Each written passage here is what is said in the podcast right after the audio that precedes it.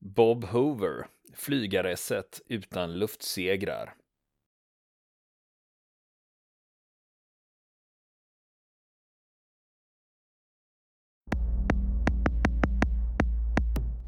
Ja du Niklas, vi höll ju på att prata om Bob Hoover. Den här legendariska piloten från eh, mm. US Army Air Corps som de hette på den tiden. Mm. Och det är en historia som du har dammsugit fram. Nej, faktiskt inte, utan det var en eh, av våra lyssnare som eh, skickade tips och frågade liksom, fan det är Bob Hoover, det är ett intressant öde, titta på det. Och direkt när jag började titta på det insåg jag att det här är bra. Ja. Så det är ju bara att fortsätta mejla in eller skicka meddelanden till oss om man hittar någonting som man tycker att eh, det här är något vi borde titta närmare på. Mm. Där missade du min tram tramsiga anspelning på, på Hoover. jag bara dammsög. Ja, okej, okay, det fattar jag. Det var, ju, det var en Göteborgsvits. ja, precis. Den var seg. Ja, ja, den var seg. Ja, men jag förlåter det. Ja. Det är lugnt där. Det vi ska prata om är med Bob Hoover. Han har ju kommit till... Eh, han har ju kommit över Atlanten. Han har ju kommit till Nordafrika under andra världskriget. Och de har ju ganska snabbt sett hans begåvning, att han är en duktig flygare. Det gör att han blir ju testflygare. Mm. Han har ju, han har gjort en massa så otroliga grejer utan att ha varit i strid redan. Det måste, bara det är ju fascinerande. Så långt. Ja. ja, för det som händer där är att de får ju dit omonterade plan till Nordafrika och så monteras de ihop och så behöver man också kan testflyga dem och se att de funkar som de ska. Och han tillhör ju den typen av testpiloter då. Men det är ju så här också att eh, han gillar ju själv inte det här testflygarstämpeln han har fått på sig. För det gör att det håller honom borta från strid. Men trots det så får han värdefulla erfarenheter och färdigheter. Eh, men eh, han ger ju sig inte utan han vill ju vidare. Han vill ju liksom testa sina vingar, om vi säger så, liksom i strid också. Och eh, det blir, han får, eh, han, det är många möten som krävs med olika befälhavare och officerare för att komma vidare med det här. Och sen blir det en massa löften också. Men till slut i september 1943, då får han en tjänst och då tillhör han 52nd Fighter Group, 4th Fighter Squadron. Och eh, då ska de flyga P-38 Lightning. Och det gör man strax efter de allierades invasion av Sicilien. Och eh, de första uppgifterna som man är med på, det är att man ska eskortera fraktfartyg, så det är inte primärt strid. Men han har ju sitt rykte om sig att han är en mästerpilot. Och då dyker det upp en utmaning där. Som eh, snacket går att, ja men finns det någon som kan lösa det här så är det han, eh, testflygaren Hoover, för han klarar fan allting. Och det här speciella uppdraget som det handlar om, det gäller en B26 Marauder. Det är alltså ett tvåmotorigt medeltungt bombplan. Det hade beskjutits och tvingats landa på en kort strandsträcka i Messina-stundet. Och reparationsbesättningar hade varit där och reparerat bombplanet, men det var ingen som trodde att det fanns en tillräckligt med startbana för att flyga ut planet från den här stranden. Och då dök Hoovers namn upp att finns det någon pilot som skulle kunna klara det här så är det han Bob Hoover. Tillräckligt galen. Ja, ja eller, eller skicklig då. Eh, så Hoovers befälhavare presenterar den här utmaningen för Hoover och han säger ja men jag ska, jag ska försöka, mitt bästa i alla fall. Så att Hoover är en mekaniker, de åker dit för att titta på bombplanet och det ligger på en drygt 300 meter lång halvmåneformad sandsträcka och det är en kraftig sluttning ner i vattnet i ena änden. Och Hoover inser direkt att här behövs varenda uns av prestanda från planet och motorerna. Så därför studerar han planets manualer och bestämde att allt som inte behövdes ombord skulle plockas bort för att få ner vikten. Så de strippade det här planet så gott det gick. Och under en månads tid, då tog mekanikern och en grupp på tio män bort nästan alla säten i planet, de flesta instrumenten och allt annat som inte var absolut nödvändigt för att flyga planet. Men så kommer ju dagen då, när man då ska försöka lyfta det här planet då. Och då har Hoover mindre än 400 liter bränsle och då taxar han bombplanet på en 200 meter lång sektion av stålmatta som var ansluten till en förlängning av hönsnät. Och det var reportrar från militärtidningen Stars and Stripes på plats för att bevittna det här. Och han berättar själv om den här händelsen och då säger han att jag varvade upp R2800 motorerna, släppte ner mina kvartsklaffar och satte iväg. B26 accelererade snabbt, så lätt som den var med minimal bränslelast. Vi åkte ner för den provisoriska banan med genomborrade stålplankor. Jag hade totalt cirka 330 meter att använda mig av. Det var allt eller inget. Det fanns bara en och en halv meter fritt utrymme på varje sida, så jag var tvungen att styra mitt i centrum för att klara det. Inte nog med det. Det som användes som landningsbana var inte bara smalt, utan gick upp för en lutning. Det är inte konstigt att ingen trodde jag skulle klara mig därifrån. Jag tittar på hastigheten när den steg till 20, sen 30 och slutligen 50 knop. Vid den tidpunkten hade jag bara omkring 120 meter kvar av genomborrade stålplankor framför mig. Slutet av stranden närmade sig snabbt och nosen var fortfarande inte uppe. Under de här sista metrarna ökar jag ytterligare 50 knop och Marodern lyfte nosen och steg mot himlen när vi kom till slutet av startbanan. Wow, vilken vacker dag det var! Och det var hans eget vittnesmål om när han lyckades lyfta den här Marodern på ju, 330 meter. Det låter ju smått otroligt när man, när man vet hur en Marauder ser ut också. Det är ju inget ja. litet plan. Ja, nu är det ju så att han är ju inte den enda som har ägnat sig åt sådana här saker med att strippa flygplan och använda sig av korta startsträckor. Eh, om jag, det finns ju något som heter Doolittle-räden.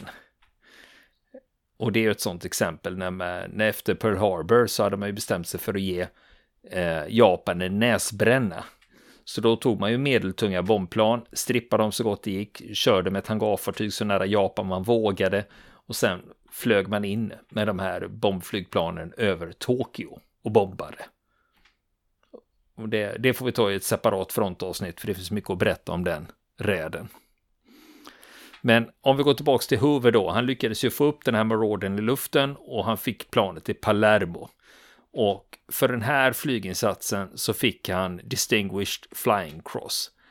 Eh, och det som hände sen, det är hans 52nd Fighter Group som han tillhörde. De förflyttas till Calvi på Korsika. Och nu skulle då Hoover äntligen få se strid.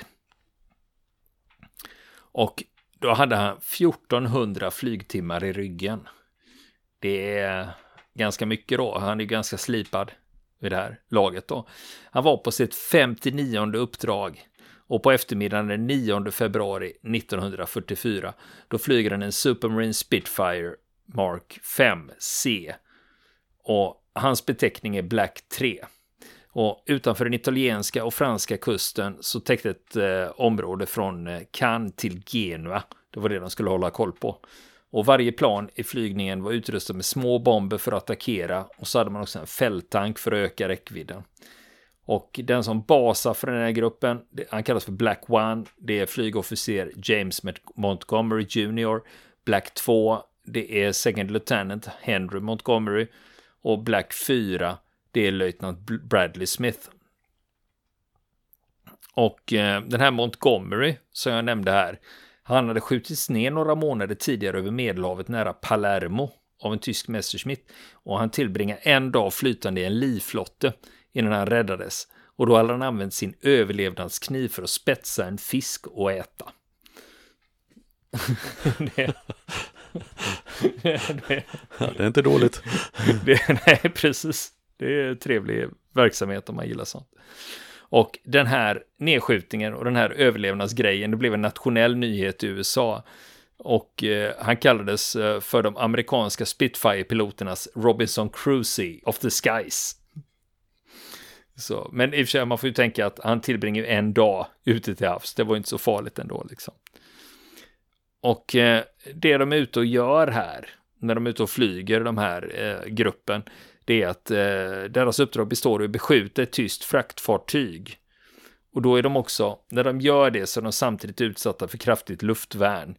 Och den här, det här fartyget ligger i, i hamnen i Savona, Italien.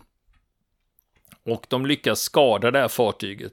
Och så återvänder de här fyra planen till basen för att tanka och ladda om. Och strax efter klockan 14 så återvänder de fyra planen till sin patrull och då stiger de till 10 000 fot.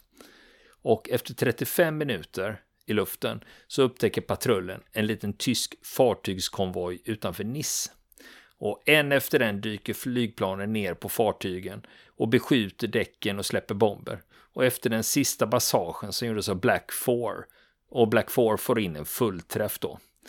Och sen under uppstigning till en säkrare höjd, då fick de se en spärreld av 20 mm automatkanoner och Hoover han gratulerade löjtnant Smith till den lyckade bombningen och beordrade formationen att omgruppera sig nära hamnen i Nice. Men några sekunder senare meddelar någon via radio att fyra fientliga plan inkommande från klockan nio. Det visar sig att det är fyra ljusblå och vitkamouflerade Focke-Wulf 190 uppradade vingspets mot vingspets på 5000 fot. De hade fått syn på Hoovers grupp och kastas över dem. Black 1, alltså befälhavaren för gruppen, ropar över radion. Det är 190 år, se upp! Och de 490 bryter sin formation och omedelbart började adrenalinet pumpa i Hoovers ådror. Det här var riktig luftstrid. Det var ingen övning. Ett par 190-orna svänger in bakom Black One och Hoover meddelar honom att han skulle bryta vänster, men det var för sent. Helvetet hade brutit ut och en eldstorm och luftvärn underifrån och spårljus bakifrån. Då snurrar Spitfiren med Montgomery ombord runt och fattar eld. Och Hoover förstår ju att här är det läge för att få ut maximal prestanda av sitt plan. Han har ju en fälttank.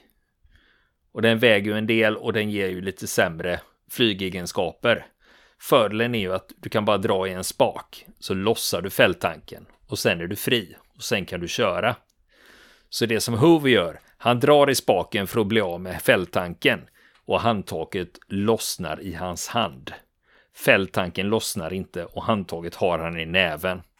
Och Spitfires manöverbarhet och hastighet var begränsad.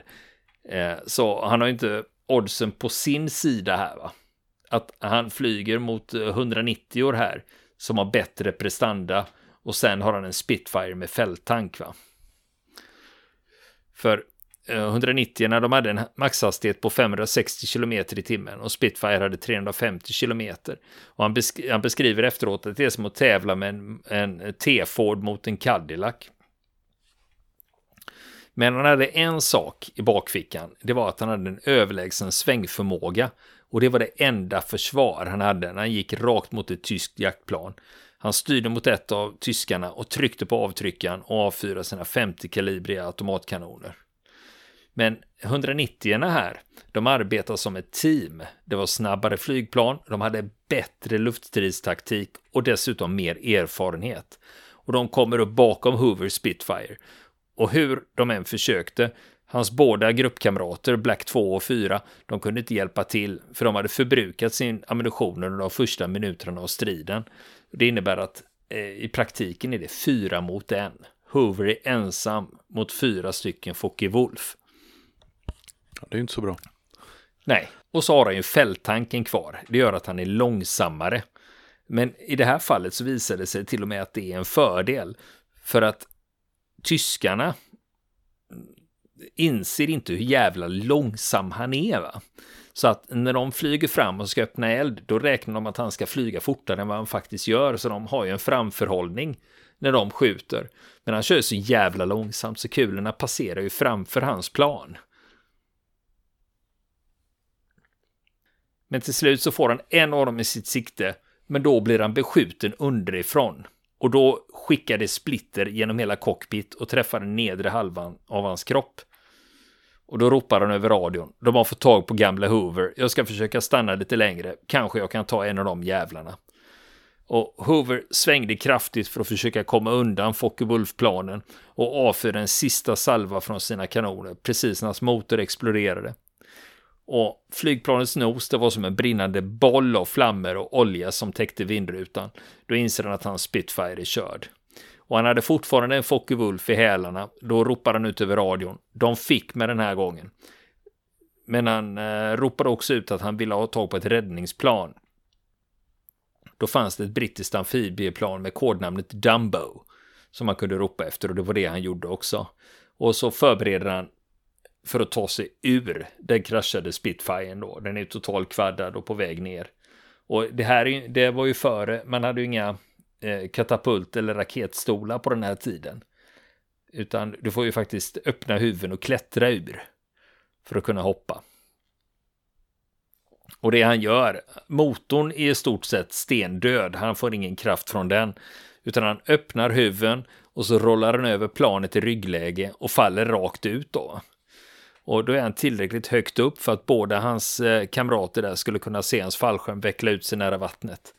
Och Black 4 såg också, att något, eh, såg också något annat där. Att det var ett par motorbåtar som var på väg mot honom då. Och eh, de två Spitfire som finns kvar då utan ammunition, de skyndar sig tillbaka till hemmaflygfältet i Calvi. Men det går upp en annan eskader som eh, leds av en major Houston. De söker efter Hoover och Montgomery.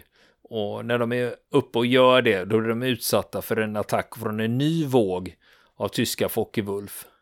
Och då skjuts en löjtnant Bishop ner och det är sex mil sydost om Cannes i Frankrike. Och eh, ingen av dem, eh, och den flygaren hittar man inte. Ja, man är helt enkelt försvunnen.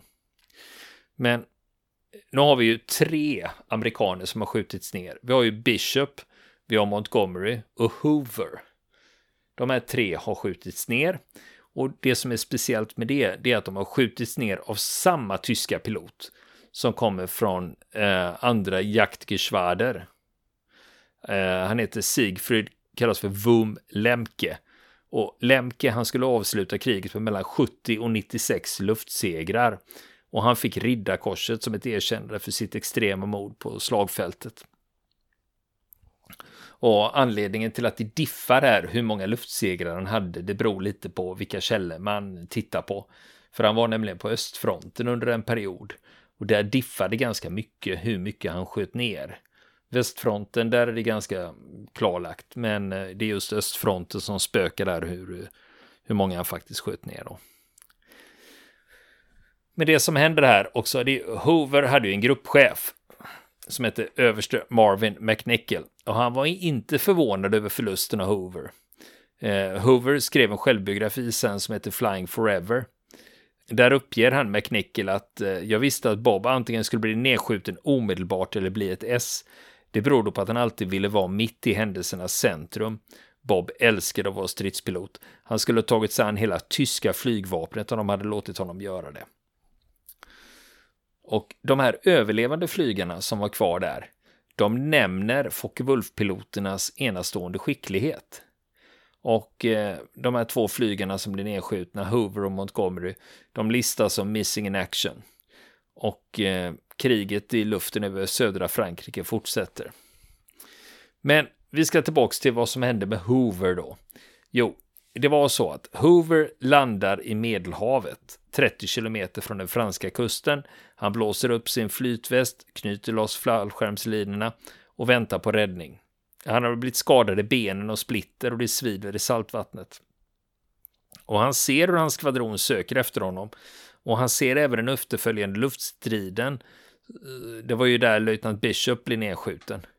Men så undrar han vad som hände med hans vän Montgomery och han undrar vem som skulle hitta honom först. Och när solen sänkte sig vid horisonten ungefär fyra timmar efter att han hade räddats ur planet så dök svaret upp. Det kommer ett tyskt handelsfartyg. Det innebär att Hove blir krigsfånge. Han kommer i land i Frankrike, han marscheras genom staden Nice och ställdes upp för att tyskarna skulle kunna håna och trakassera honom. Han förhördes men uppgav endast namn, grad och tjänstgöringsnummer.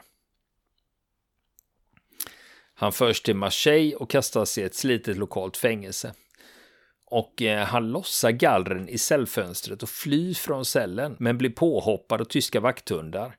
Och ljudet från hundattacken larmade vakterna och Hoover påträffades snart och skickades med tåg till Tyskland. Där försökte han fly igen. Han har ett sånt eh, mönster att han hela tiden försöker fly när han är krigsfånge.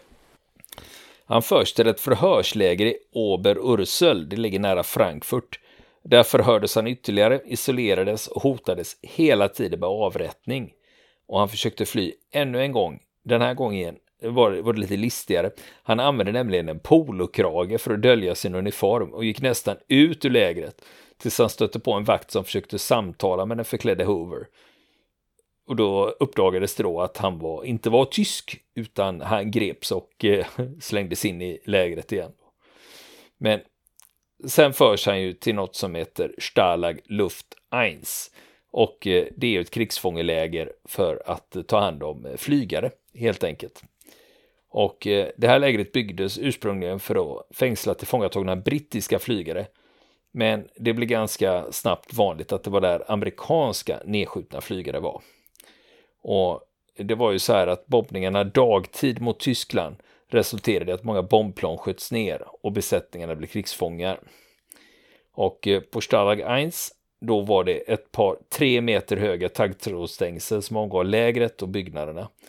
Och inte nog med det, man har också en varningstråd för det inre området. Då var det så att om du passerar den här linjen, då kan krigsfångarna bli skjutna av eh, de eh, beväpnade tyska vakterna som stod i vakttornen. Och nu kommer det här att pågå ett tag, att han sitter fast här. Va? För han sitter nämligen där i 16 månader som krigsfånge. Och under de här 16 månaderna så försökte han fly vid flera tillfällen och han tillbringade flera veckor i isoleringscell när han väl återfanns. Men i det här lägret så träffade han också vänner som eh, de, de utvecklade en vänskap som var, varade hela livet. Och en av de här som man lärde känna där, det var testpiloten major Gustav Edward Gus Lundqvist. Lundqvist han var amerikan, han hade flugit många flygplan, inklusive Focke-Wulf 190 i England, för att lära sig deras styrkor och sårbarheter. Eh, och han ville gå med i kriget och skaffa sig stridserfarenhet, men sköts ner av en Messerschmitt Bf 109 på sitt tredje uppdrag. Och då flög han en, en Mustang, en P51D. Och han hade blivit nedskjuten den 29 juli 1944. Och eh, när Lundqvist och Hoover pratar om det här flygplanet Focke-Wulf 190 då säger Hoover att eh, det skulle vara häftigt att någon dag få flyga ett sånt flygplan. Och eh, så tillägger han också särskilt som en flyende krigsfånge i ett befriat fiendeflygplan. Så Lundqvist som hade flugit Focke-Wulf, han delar med sig av sina kunskaper och erfarenheter till krigsfångarna. Och från minnet, det här är Hoover själv som berättar det, från minnet lärde han oss om cockpiten och reglagen och ritade bilder i sanden inne på fängelseområdet. För att eh, förklara då för de andra fångarna. Så här ser en cockpit i en Focke-Wulf 190 ut och så här fungerar reglagen. Och Hove berättar också för Lundqvist att någon dag efter kriget så ville han flyga på Wright Field. Och det var det som var eh, hemvisten för flygvapnets testflygarprogram vid, vid den här tidpunkten. Men nu sitter det som sagt ett krigsfångeläger och den som basar för de amerikanska fångarna där, det är en amerikansk officer som heter överste Henry Russell Spicer. Han är befälhavare för de tillfångatagna allierade flygarna. Han var ursprungligen befälhavare för 357 Fighter Group med en basering i England. Men den Mustangen som han flög sköts ner den 5 mars 1944 över Nordsjön och eh, han blev fången när han spolades i land på tyska ockuperat område. Men under Spicers ledning här, då fortsätter kriget för flygarna i Stalag Luft 1. Men kampen bestod av psykologiska spel och flyktplaner. Och det var det också, ibland märkte de att vissa krigsfångar blev allt för bekväma med vakterna och då lade Spicer i och sa att eh, jag har märkt att många av er blir alltför tajta med tyskarna. Kom ihåg att vi fortfarande är i krig med tyskarna. De är fortfarande våra fiender och de gör allt de kan för att vinna det här kriget. Låt dem inte lura er i det här lägret. Fienden är en smutsig lögnare och man kan inte lita på honom.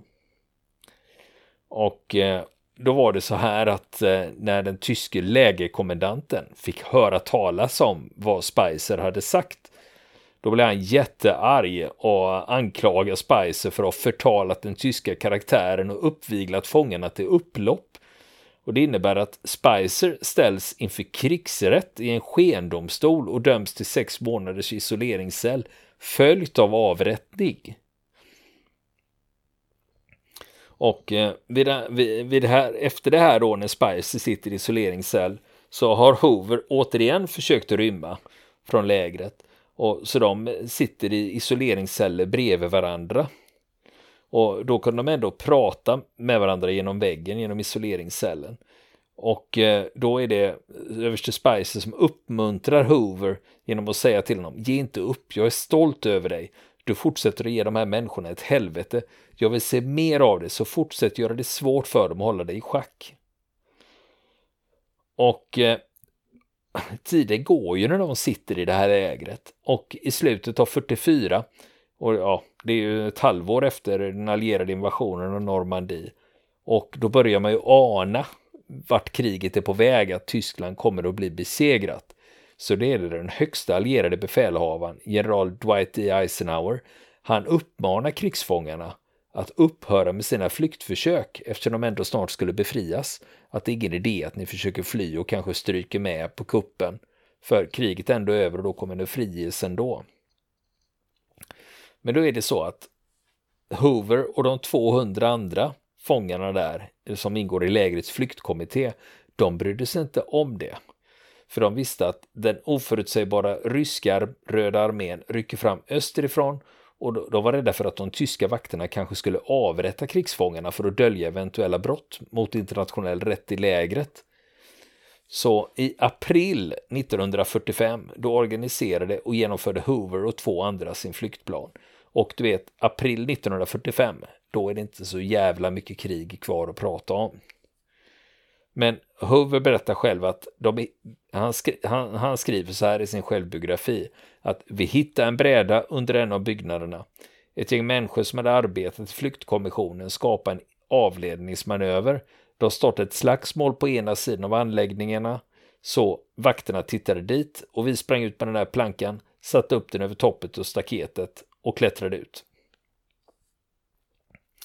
Och de som var med Hoover under det här flyktförsöket, det är löjtnant Jeremy Ennis.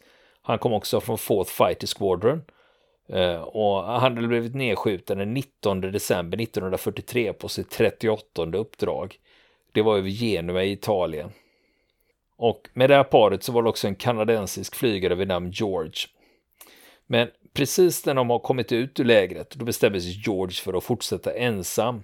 Och Ennis och Hoover fortsätter tillsammans. De hittar skydd i en bondgård under höet i ladan. Och nästa morgon så upptäcktes de där av en fransk kvinna som hade tvångsförflyttats till Tyskland. Hoover hjälpte kvinnan och skrev en lapp där han tackade henne och bad de allierade som mötte henne och inte skada henne för att hon hade hjälpt dem. Hon läste och förstod betydelsen av meddelandet och gav paret en liten pistol. Hon sa att den skulle göra oss mer nytta än vad den gjorde för henne, säger Hoover. Och senare på morgonen då stjäl Ennis och Hoover ett par cyklar från en by i närheten och fortsätter västerut. Men när de gjorde det så stötte de på ryska styrkor som också var på väg västerut, mot Berlin. Och eh, nu visade det sig att Ennis som var med, han kunde lite franska, han hade lärt sig vid high school. Då kunde han tala med några av männen. Men han lärde sig snabbt att Röda armén, som var ganska härdade av nazisternas grymheter, de hade inte riktigt rent mjöl i påsen. Så de var lite, de var lite oroliga för vad ryssarna skulle hitta på. Och så då lämnar ryssarna och då kommer de fram till ett tyst flygfält som är dåligt bemannat. Men det de ser att där finns det mer än två dussin flygplan, bland annat Fokker Wulf 190. Och de kollar av först flygplanen i utkanten av flygfältet och hittar en presenning och under den så står det en skottskadad Fokker Wulf 190. Men det är väldigt lätta skador på flygplanet och tankarna är fulla av bränsle dessutom. Och eh, hur ska man då gå tillväga för att göra det här då? Jo, det var ju så att Ennis och Hoover, de hade ju fått en liten pistol av den här franska kvinnan och med hjälp av den kunde de hålla koll på den tyska markpersonalen under pistolhot. Och eh, de instruerade mekanikern där att, eh, genom att tala franska, för den här mekanikern kunde fatta franska. Och Jerry sa till honom att han skulle döda honom om han inte hjälpte mig att få upp honom i luften, berättar Hoover. Så jag satte mig i cockpit och tysken hjälpte mig att få igång motorn. Bränslemätaren var full och motorn gick bra. Jag lyfte och drog upp landningsställen och jag insåg hur dumt det jag gjorde var. Jag tänkte, här sitter jag i ett tyst flygplan utan fallskärm. Eftersom han flyger ett plan med ett hakors målat på sidan så kunde de allierade skjuta ner honom. Hove berättar vidare att det var mulet på cirka 4000 fot och jag drog upp till botten av de täckande molnen så att jag inte skulle vara ett mål. Och han flyger norrut tills han ser Nordsjön. För han hade inga kartor med sig. Han visste att om han svängde västerut och följde kustlinjen så skulle han vara säker när han såg väderkvarnar. För då tänker han att när jag ser väderkvarnar då är jag, då är jag i Holland. Och de hatar ju tyskar. Och han följer kusten till det befriade Zudersee. Det är en grund vik i Nordsjön i nordvästra Nederländerna. Eh, när han såg eh, väderkvarnar då letade han efter någonstans att landa och försöka få bränsle. Han, han säger själv att jag hade passerat över några flygfält som verkar vara öde, men jag visste att öde landningsbanor ofta var minerade. Så han valde ett öppet fält bakom de allierade linjerna som landningsplats. Han gjorde avsiktligt en ground loop när han landade. Det är alltså att eh, han höjer ett landningsställ för att undvika ett dike. Men problemet är att det förstör också landningsstället. Och när han stiger ur det havererade planet och samlas lokalbefolkningen runt honom och trodde att han kunde vara en tysk avhoppare. Men då får han syn på en lastbil från den brittiska armén. Då vinkar han till sig den och säger till föraren, jag är amerikan men de tror att jag är tysk. Och då säger chauffören till Hoover, kom här med oss då, följ med oss. Och nu var Bob Hoover äntligen en fri man igen. Men han visste ju inte om hans medflykting Jerry Ennis också hade lyckats den här flygningen, att han stack med en, med en Focke-Wulf 190 från Tyskland. Eh, det beskrevs i tidningen i hans hemstad precis efter kriget i november 45. Men sen föll den här historien i glömska. Och eh, det var inte förrän hans kamrat Jerry Ennis i mitten av 80-talet dök upp på en flyguppvisning som Hoover uppträdde på och berätta historien för deltagarna. Det är då den här historien om flykten med Focke-Wulf 190 kommer i ljuset igen. Och när Hoover väl får frågan liksom att ja men fan du stack ju från Tyskland med Focke-Wulf 190. Eh, och då så säger han att jag var inte stolt över den flygningen. Det var det dummaste jag någonsin gjort.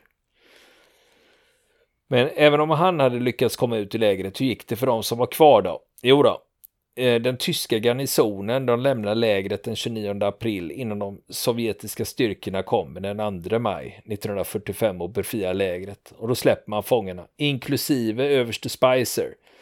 Eh, för det var nämligen så att det fanns ett planerat avrättningsdatum den 1 april, men det glömdes bort av eh, fång, fångvaktarna där, för de hade lite större problem vid det laget. Och fångarna evakueras av eh, B-17 flygplan den 12 och 13 maj 1945. Och det var eh, inte vilka som helst som flög dem, det var åttonde. Eh, The Mighty Eight alltså. Som flög ut dem. Och nu är kriget slut, men Hoover fortsätter ju som flygare. Va?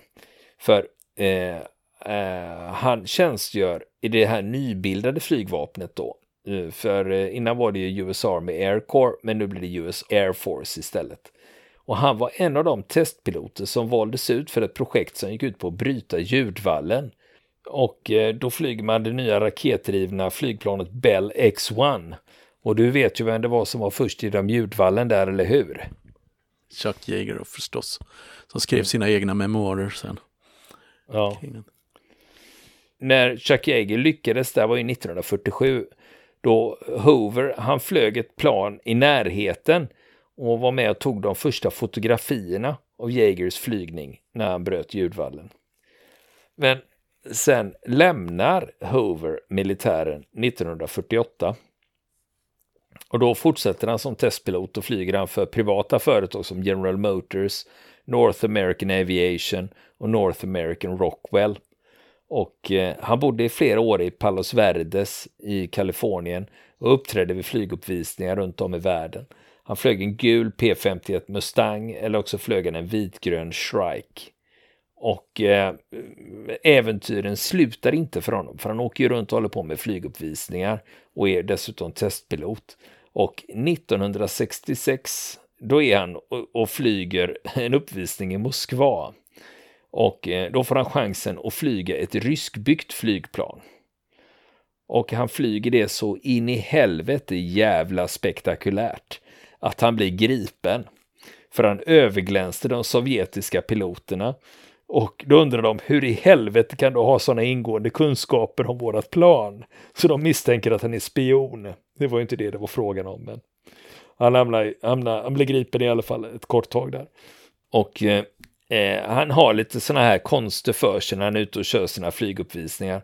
Bland annat så stänger han av motorerna till sitt flygplan och så flyger han det som ett glidflygplan och landar och stannar helt ljudlöst på landningsbanan. Och eh, sen är det andra saker han är aktiv med också. Han var med om en, uh, han var med om en olycka 1989. Det var nämligen så att hans flygplan hade fyllts på med fel bränsle och då uppfinner han en ny typ av munstycke som ska förhindra att sådana misstag ska ske igen. Så det införs alltså den här nya typen av munstycken efter det då. Men tiden går, tiden går och sen eh, är vi framme vid 1994. Då hotar federala tjänstemän att ge Hoover flygförbud för att han inte klarar av de medicinska testerna. Men han har blivit en sån legend i flygkretsar att det blir ett gigantiskt stort upprop bland flygfans. Så att eh, det gör att han, han, får genomgå en ny läkarundersökning så att hans, eh, hans flygarlicens godkänns igen då. Men eh, trots det, eh, han hade ändå slutat med eh, med, med massa flygkonster och sånt i slutet av 70-talet. Och eh, sista gången han flög, då var han 85 år. Och om man ska summera det här, eh, hans flygarkarriär, det är att han har flugit mer än 300 olika typer av flygplan och han kände praktiskt taget alla viktiga personer i flygets historia, från Orville Wright till Charles Lindbergh och Neil Armstrong. Och eh, under sina årtionden som eh, stuntpilot så hanterade Hoover sitt flygplan så smidigt att han kunde hälla upp en kopp te samtidigt som han utförde en 360 graders roll. Jag nämnde ju ett av de flygplanen han använde när han var ute och gjorde flyguppvisningar. En North American Rockwell Strike Commander. Den finns i National Aerospace Museum. I flygvapnets museum alltså, utanför Washington. Och eh, det finns en intendent där vid det här museet. Eh, när, när hon får frågan om vad tycker du om Hoover? Och då säger hon att eh, han hade en sån intuitiv känsla för man flyger ett flygplan. Han hade en fantastisk förmåga att vara en del av flygplanet och räkna ut vad som var fel och hur han skulle ta sig ur det och rätta upp planet. Och han hade helt enkelt den förmågan att inte bara göra det själv utan också kommunicera med andra hur man gör det. Och eh, då undrar man ju, finns det något mera som har spilt över av det han har lärt andra människor och det han har sagt? Jo då, skådespelaren Harrison Ford är du bekant med. Jag har hört talas om honom, ja. Du känner, du känner till honom. Det var att han, han hade skrivit att eh, var, han hade dragit lärdomar från Hoover som hjälpte honom att överleva en kraschlandning av ett veteranflygplan på en golfbana i Kalifornien. Jaha. Så att, eh, mm. så att eh, de här kunskaperna kom till nytta. Och eh, det finns en dokumentärfilm om Hoover. Det är en regissör som heter Kim First som har gjort den. Och den filmen heter Flying the Feathered Edge och den kom 2014. Och sen hade också Hoover skrivit en självbiografi som kom 96. Den heter Forever Flying. Och när Hoover då ska bedöma sina egna egenskaper som flygare så skriver han i sin självbiografi att jag skulle kunna flyga en gammal Dodge pickup om de hade satt vingar på den. det är ganska kaxigt. ja, precis. Då är man säker på sin sak. ja, men då har du flugit det mesta liksom. Eh, hur som helst, han avlider 2016 och då var han 94 år gammal. Och hans eh, hustru, de hade varit gifta i 68 år, hon hade avlidit samma år. Och han efterlämnar två barn och eh, tre barnbarn och två barnbarnsbarn. Då. Men det var historien om flygaren Bob Hoover. Ja, det är ett annorlunda flygaröde. Ja, absolut. Så att, eh, så att eh, det, det, det finns inte ett som är liknar det andra. Man måste säga att det här är ett av de mer udda. Ja, och det är ju framförallt den här stölden av en Focke-Wulf 190. Ja, som, som, satt, som gör att han har blivit uppmärksammad. Utöver hans enormt långa flygarkarriär och hans enorma skicklighet som flygare också. Vill ni komma i kontakt med oss så kan ni göra det via vår Facebook-sida som heter Fronten. Det är inga problem för er att leta er fram där. Eller också så mejlar ni på vår mejladress och det är frontenpodcast@gmail.com.